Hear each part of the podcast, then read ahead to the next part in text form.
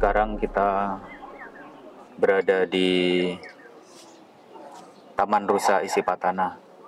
Nah, di hadapan kita dibangun sebuah stupa untuk mengenang peristiwa yang terjadi di zaman Guru Agung kala Sang Buddha membabarkan dharma untuk pertama kali kepada Pancawakia.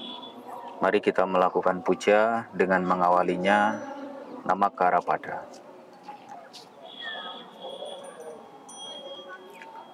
Arahang Sama Sambuddho Bhagawa Buddhang Bhagawantang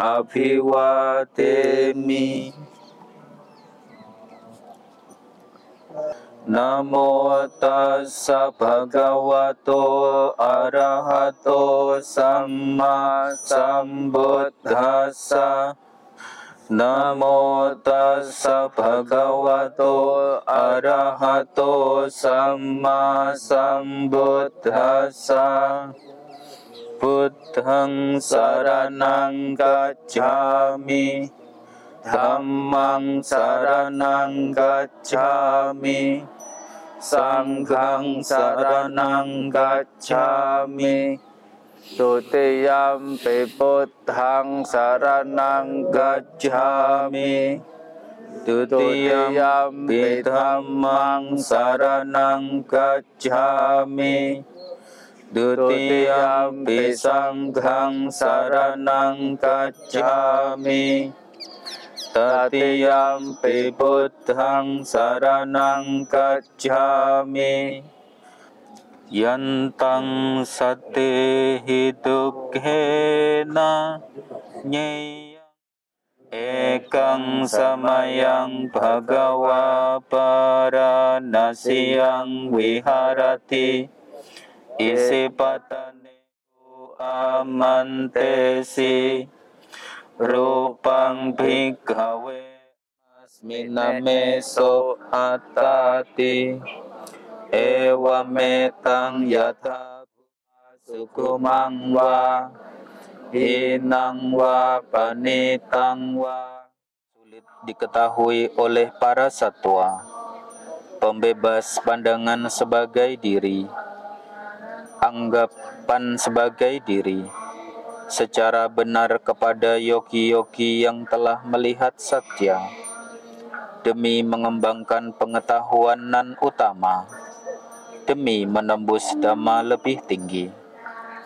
Cipta para yogi yang telah melihat dhamma dan yang telah memeriksa dengan nyana itu telah terbebas dari semua penghanyut tanpa sisa.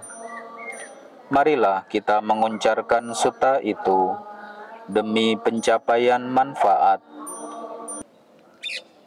Di tempat ini, setelah Guru Agung membabarkan khotbah Dharma pertama kali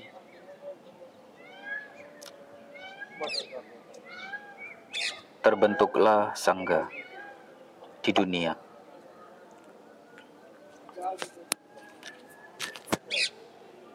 Di sini menjadi lengkap tiratana, yaitu Buddha Ratana, Dhamma Ratana, Sangha Ratana. Dalam bermeditasi kita menggunakan perenungan-perenungan. Bisa menggunakan perenungan terhadap sifat-sifat luhur Buddha atau perenungan terhadap sifat-sifat luhur Dhamma ataupun perenungan terhadap sifat-sifat luhur Sangga.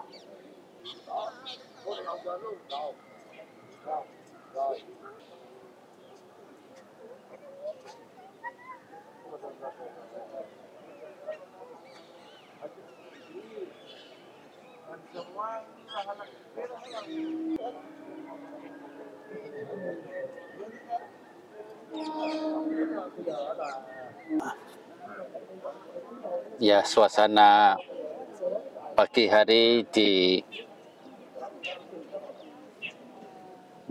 Varanasi yaitu di sekitar bangunan yang kita kenal dengan stupa Dhammika. Kata Dhammika atau dalam bahasa Sanskerta sebutannya adalah Dharmiksha. Dharma dan Iksa. Dharma artinya ajaran, tidak lain adalah terkhususkan ajaran yang disampaikan oleh Guru Agung Buddha. Iksa atau ikha dalam bahasa Pali artinya adalah mata. Nah, jadi kalau digabung kata damekha atau dameksa, dharmeksa ini artinya adalah mata berupa dharma. Jadi artinya adalah Dharma ini sesungguhnya adalah mata. Dharma ini sebagai alat penglihat. Sehingga disebut dengan dharmik, dharmiksa, mata berupa dharma. Sebagaimana layaknya mata punya fungsi sebagai penglihat. Demikian pula dharma punya fungsi sebagai penglihat. istilah ini dipakai oleh pembangun stupa ini untuk mengenang peristiwa yang sangat penting salah satunya dalam riwayat hidup Sang Guru Agung Buddha. Jika pada waktu yang lalu, beberapa hari yang lalu, kita berkunjung di satu tempat yang dikatakan yang paling penting, yaitu di Budgaya, tempat beliau mencapai penerangan sempurna sebagai tempat yang menjadikan beliau sebagai sosok yang disebut sebagai yang telah tercerahkan sebagai Buddha. Di sini juga tidak kalah pentingnya. Mengapa? Oleh karena melulu pencapaian penerangan sempurna beliau, Guru Agung Buddha, kita semua di Budgaya itu akan tidak berarti besar dan akan tidak diketahui oleh siapa pun tanpa ada peristiwa di sini yaitu saat beliau membabarkan Dharma Cakra Pawatana Sutta untuk pertama kalinya. Yang isinya itu secara intinya adalah mengajarkan tentang jalan yang terbebas dari dua sisi ekstrem disebut dengan istilah jalan tengah. Jalan tengah ini artinya jalan yang bukan ekstrem kiri termasuk juga bukan ekstrem kanan. Jadi jalan tengah bukan perpaduan antara jalan ekstrem kiri dan jalan ekstrem kanan. Tetapi penolakan kedua jalan itu. Nah, ini. Dan Jalan tengah yang seperti apa yang dimaksudkan? itu harus sesuai dengan yang Sang Buddha maksud dalam kita menggunakan istilah jalan tengah. Sering kita menggunakan karena memang Sang Buddha menggunakan istilah ini, kita juga ikut menggunakan. Ah, kita cari jalan tengahnya saja. Itu kan sesuai dengan ajaran Buddha. Jalan tengahnya seperti apa? menurutku jalan tengahnya seperti ini, ini, ini. Apakah itu sudah betul? Belum tentu. Nah, hati-hati juga dalam kita memahami kata atau menggunakan kata jalan tengah ini. Hal lain yang utama yang beliau sampaikan dalam pembabaran roda dharma adalah beliau menyampaikan tentang empat kebenaran Arya.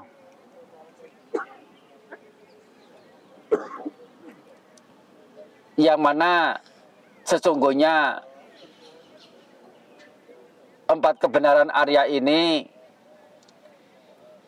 telah sering kita dengar penjelasan-penjelasannya.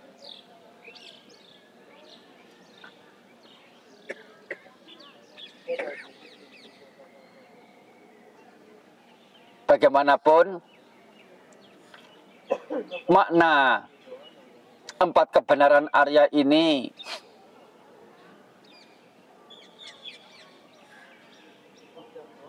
Sudahkah semendalam? Maaf uh, apa yang kita telah dengar dalam pembabaran Dhammacakkappawatana Sutta yang telah kita ketahui itu sudahkah semendalam sebagaimana yang empat kebenaran Arya itu semestinya dimengerti. Sangat-sangat mendalam. Sangat-sangat dalam. Dan ini yang hanya para petapa tingkatan-tingkatan yang sudah ranum yaitu yang disebut dengan yang sudah sedikit pengotor batin yang ada di batin beliau yang mampu untuk menembusnya.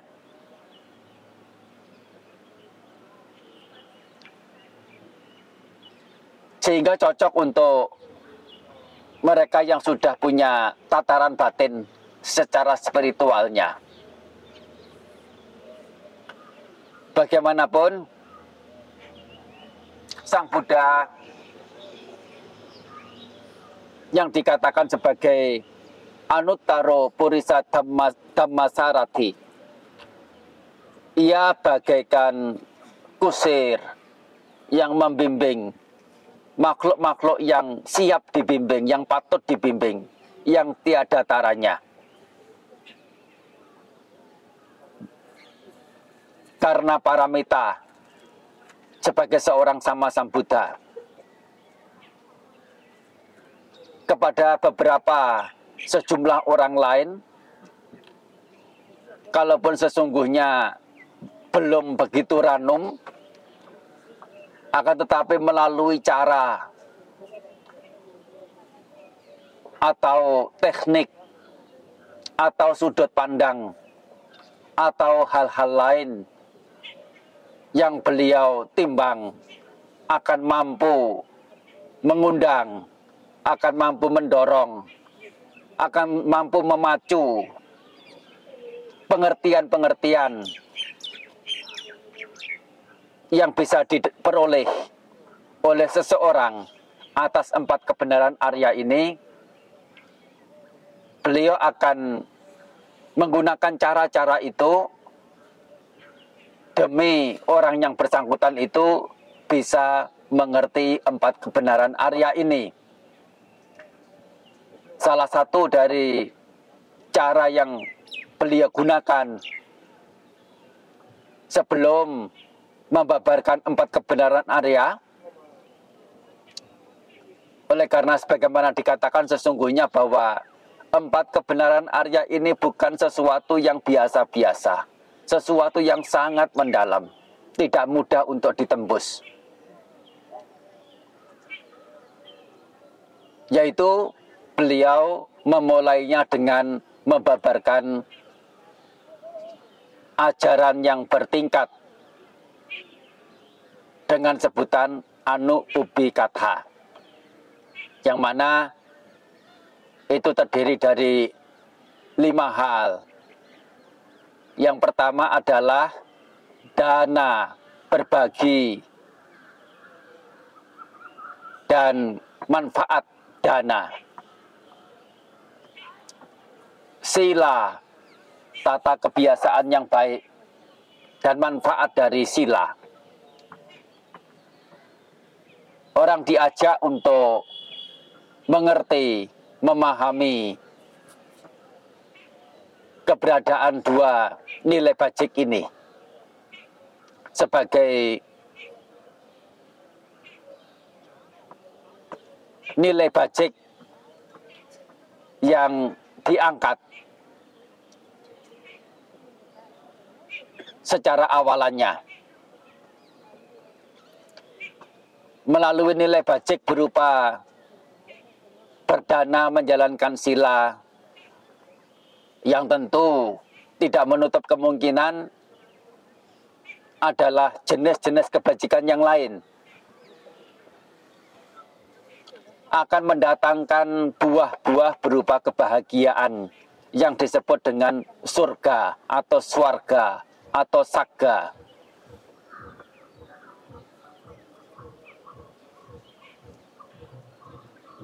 Surga adalah nama lain dari kebahagiaan. Setiap orang menginginkan kebahagiaan, sehingga setiap orang menginginkan surga. Caranya melalui dana dan sila ini. Ini yang Sang Buddha ajak orang untuk mengerti tentang kebahagiaan surgawi. Adalah cara yang cerdas, cara yang pandai untuk mendapatkan kebahagiaan. Hanya saja cara yang cerdas, cara yang pandai ini adalah cara cerdas, cara pandai secara duniawinya. Oleh karena kebahagiaan surgawi ini ada sisi celah.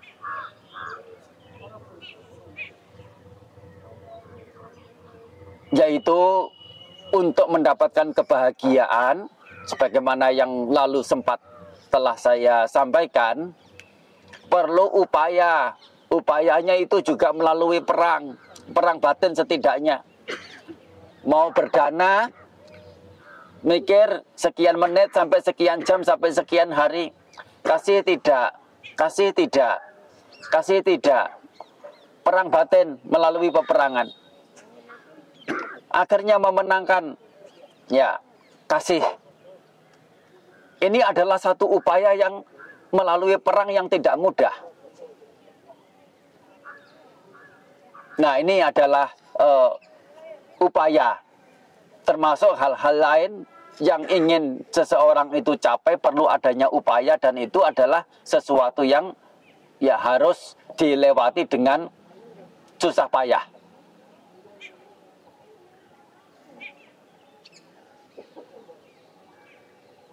Nah ini uh, salah satu di antara sisi celah kebahagiaan surgawi yang mana untuk rincian lainnya bisa di uh, kilas balik uh, uraian pada waktu sebelumnya.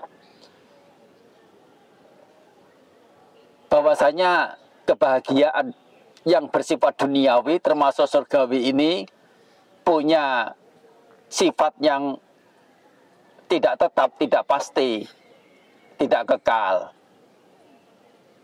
Dan itu adalah menimbulkan kekecewaan. Kekecewaan itu sendiri bukan kebahagiaan, melainkan adalah penderitaan. Penderitaan karena harus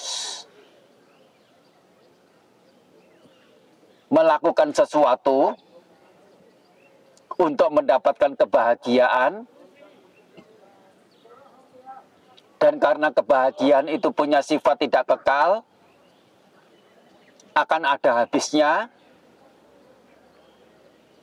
atau sudah menjadi habis menjadi menyenangi mengingini kebahagiaan yang sama atau kebahagiaan yang lain sehingga karena ada menyenangi mengingini itu muncul perbuatan lagi dan memberikan buah-buahnya lagi. Dan syukur-syukur yang dilakukan itu adalah tetap kebajikan yang memberikan kebahagiaan. Jika salah mengerti, jika salah paham, jika tersesat, alih-alih kebaikan yang dilakukan untuk mendapatkan kebahagiaan, orang-orang sebagian banyak atau bahkan kebanyakan lebih memilih keburukan karena keterbatasan pengetahuannya. Menganggap keburukan adalah jalan menuju pada kebahagiaan. Dan dampak dari melakukan keburukan itu, alih-alih kebahagiaan yang diperoleh, justru adalah sengsara derita di alam-alam yang menyakitkan. Dan ini adalah kesengsaraan. Kesengsaraan baik saat berbuat baik termasuk saat berbuat buruk. Baik saat berbuat buruk maupun saat berbuat baik. Artinya apa? Jangankan berbuat buruk yang menghasilkan penderitaan melakukan kebajikan yang menghasilkan kebahagiaan saja itu adalah penderitaan karena apa? Selalu harus melakukan dan melakukan dan itu tiada henti Inilah yang disebut dengan sangsara dukkha. Sangsara dukkha. Sangsara artinya perjalanan. Dukkha artinya penderitaan. Penderitaan yang dimunculkan karena perjalanan ini. Yaitu perjalanan dari kelahiran ya menuju ke kematian, pertengahan di antaranya itu nah penuh dengan hal-hal yang ya uh, perlu di atasi yaitu perlu lari dari ketidaknyamanan, perlu mengejar kenyamanan. Setiap hari, setiap waktu, setiap saatnya, setiap jamnya. Nah ini adalah uh, sisi negatif, sisi celah. Meskipun itu adalah kebahagiaan-kebahagiaan surgawi jadi yang pertama adalah mengajarkan tentang dana. Yang kedua mengajarkan tentang sila. Yang ketiga mengajar tentang saga, surga, swarga. Kebahagiaan yang didapat dari seseorang berbuat bajik. Yang keempat adalah sisi celah meskipun itu adalah kebahagiaan surgawi. Dan yang kelima adalah manfaat-manfaat dari enyah atau mentas dari kesenangan-kesenangan indrawi itu. Oleh karena jangankan yang penderitaan, yang kebahagiaan pun adalah penderitaan. Jika kebahagiaan itu dalam taraf kesenangan-kesenangan indrawi. Karena itulah untuk mengenali bahwasanya idang tukang ini adalah derita dalam empat kebenaran Arya. Catu Arya saja ini bukan hal yang mudah, bukan hal yang gampang. Yaitu adalah termasuk bagaimana mengerti wattatuka atau derita berupa lingkar perjalanan. Ya, antara samsara dan watta, ya. Itu sering digunakan salah satu atau digunakan secara berbarengan. Samsara artinya perjalanan. Watta artinya lingkar. Samsara watta, ya atau wata samsara. Nah, dua-duanya juga dipakai. Dan ya, sebutannya adalah samsara wata duka atau samsara duka atau wata duka. Bahwasanya perjalanan perjalanan melingkar atau lingkar perjalanan ini adalah punya ciri derita. Jarang mereka yang mampu menembusnya. Kalaupun mereka bisa menembus mengerti tentang ilmu pengetahuan tingkat tinggi, sejauh apa ilmu pengetahuan itu bisa mengarahkan diri dia termasuk yang lain pada pelepasan derita, khususnya pelepasan derita secara total tanpa perlu kembali menderita lagi. Oleh karena patut juga kita akui ilmu pengetahuan yang kita semua manusia awam ini kejar salah satu hal utamanya adalah salah satu tujuan utamanya adalah untuk mengatasi derita. Hanya saja mereka nah belum sampai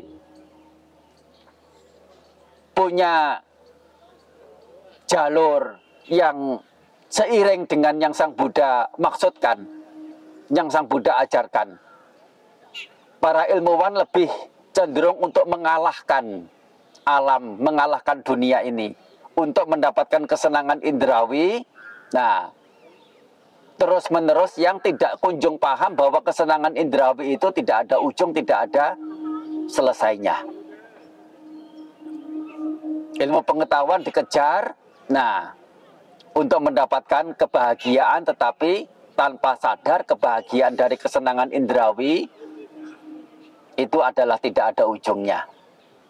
Nah, ini adalah dasar dari seseorang bisa dikatakan mumpuni dalam mengerti empat kebenaran Arya. Dan ini tentu masih banyak sekali rincian-rincian yang perlu disampaikan terkait dengan empat kebenaran Arya ini. Meskipun dalam suta, yaitu Dhamma Cakapawatana Suta, kita membacanya itu hanya butuh waktu 10 menit atau 15 menit selesai. Sesungguhnya Sang Buddha mengajarkannya sekian hari. Dan dikatakan Sang Buddha tidak berhenti sekian hari mengajar Dharma itu.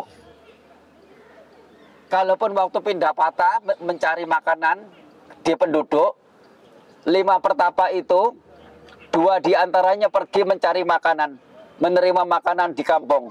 Tiga yang lainnya tetap duduk mendengar Dharma. Esoknya tiga yang lain pergi menerima dana makanan, yang dua tetap duduk mendengar Dharma. Sehingga kalau kita mendengar Dharma, lihat waktu sudah satu jam lebih menjadi gelisah. Sesungguhnya keyakinan kita itu patut kita ragukan, patut kita ragukan sendiri. Sejauh apa kita sudah punya kesungguhan hati pada ajaran Sang Guru Agung yang kita sendiri akui tempatkan sebagai guru, sebagai panutan. Ini masih sangat banyak rincian-rincian yang ada dalam empat kebenaran Arya yang sangat-sangat mendalam dan juga sangat-sangat menarik. Dan lebih dari itu mendamaikan. Dan lebih dari itu adalah mencerahkan. Dan lebih dari itu adalah menyelesaikan tugas, memadamkan penderitaan. Secara total, tanpa perlu kembali menderita lagi, dan itu yang sesungguhnya menjadi inti ajaran Buddha. Meskipun sementara, baik awam maupun tokohnya sekalipun, di antara kita Buddha ini, Buddhis ini,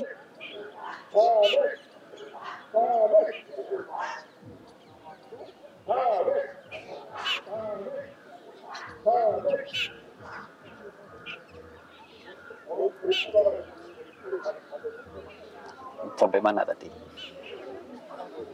di antara tokoh Buddha Hah? di antara tokoh Buddha kita Ya, di antara tok- tokoh Buddha kita, ya sempat melontarkan kata mengajar dharma, ceramah dharma, tidak usah terlalu mendalam. Cukup urusan sila, cukup urusan sa- itu dana, cukup urusan keyakinan saja. Yang mendalam itu untuk para biku. Orang awam kalau diberi pengertian-pengertian dharma yang mendalam itu nanti bingung nanti tidak paham. Nanti mereka menjadi ya apa apa pun alasan yang mereka buat. Memang Sang Buddha mengajar dana, sila, atau kebajikan-kebajikan yang lain. Tetapi tidak berhenti sampai di sini. Ini sebagai jalur anak tangga untuk mencapai yang tertinggi. Sebagai alat saja, sebagai upaya saja, sebagai anak tangga saja, sebagai jembatannya saja. Tapi tidak boleh ditinggalkan hanya berhenti sampai pada melakukan kebajikan, selesai sampai di sini sudah ajaran Sang Buddha. Ini tidak boleh terjadi. Kalau sampai terjadi, kita telah mereduksi kita telah mengerdelkan ajaran Sang Buddha oleh diri kita yang katanya adalah tokoh Buddhis. Di mana nilai tokoh Buddhisnya itu?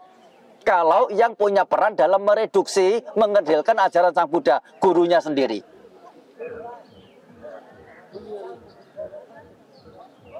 Paham tidak paham, setuju tidak setuju, ajaran Buddha yang inti, yang asli, yang mendasar, yang yang pokok harus disampaikan.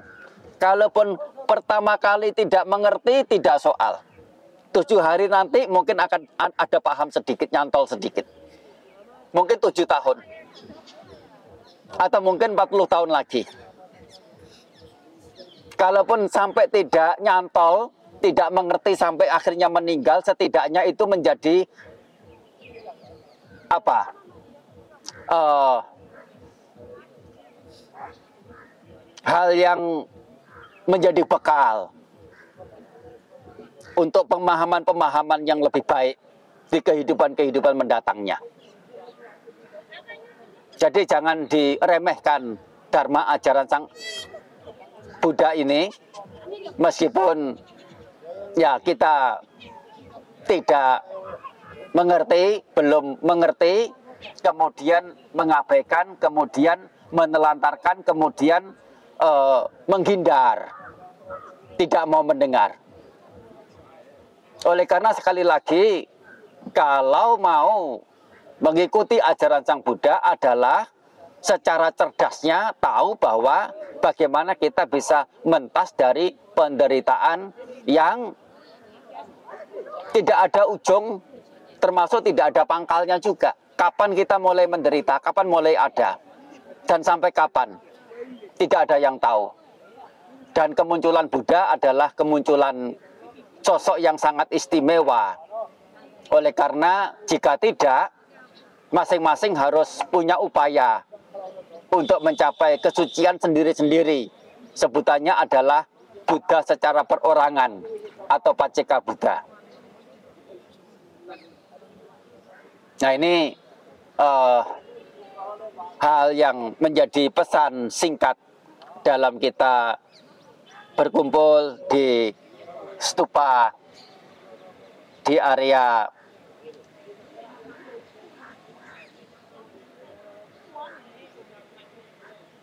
isi patana Megadayawana. Sebutannya Baranasi, Baranasi itu kotanya. Tapi wilayahnya sendiri adalah isi patana. Isi patana itu sangat luas. Jadi kalau Baranasi itu adalah nama kotanya, ya isi patana itu adalah nama daerahnya daerah isi patana. Mengapa disebut daerah isi, isi patana? Isi artinya resi. Tahu resi ya? Mereka yang melakukan praktik ya pengembangan batin namanya resi. Patana artinya tiba atau jumpa atau berdiam. Jadi tempat perjumpaan, tempat berkumpulnya, tempat berhimpulnya para petapa wilayah ini disebut dengan wilayah isi patana. Oleh karena banyak petapa petapa berada di sini. Khusus di tempat ini namanya Migadaya Wana. Artinya hutan atau grove atau hutan kecil atau bisa disebut sebagai taman. Migadaya. Miga artinya rusa. Daya artinya hadiah.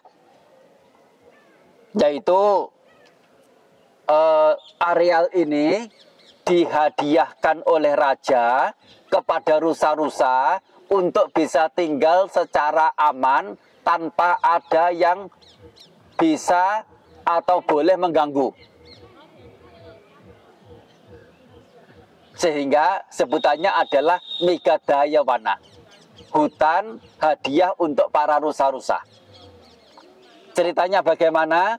Nah, tentu nanti di lain kesempatan. Ya. ya itu ada ceritanya uh, tentang bagaimana seorang raja yang memburu rusa-rusa itu sehingga mendatangkan kegentaran bagi kelompoknya. Sampai akhirnya pemimpin rusa itu yaitu Bodhisatwa begini saja supaya kami-kami ini tidak gentar, ya kami akan mengantar setiap hari satu ekor. Tapi adalah nah rusa-rusa yang kami tak kami pertimbangkan itu ya cocok untuk uh, dipersembahkan kepada raja. Jadi bukan induk rusa yang sedang hamil atau sedang menyusui.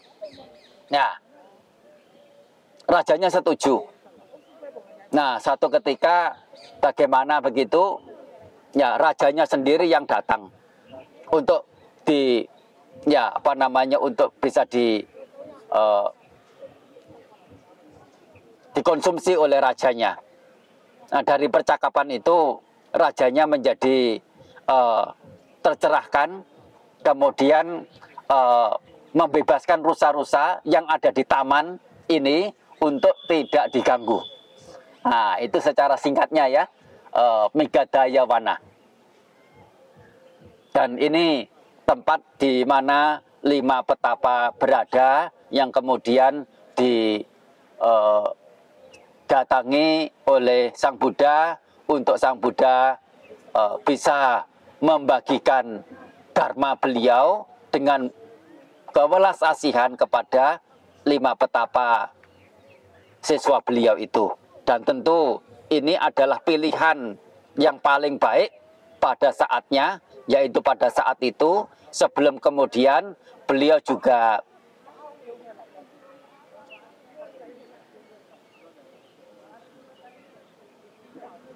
membabarkan dharma beliau kepada siapa pun yang lain yang beliau pertimbangkan punya kesiapan, punya kemampuan dalam mengerti dalam mem memahami sesuai dengan tingkatan-tingkatannya.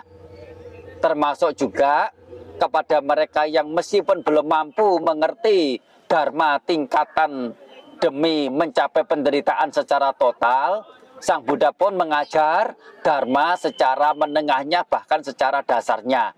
Sebagaimana kita uh,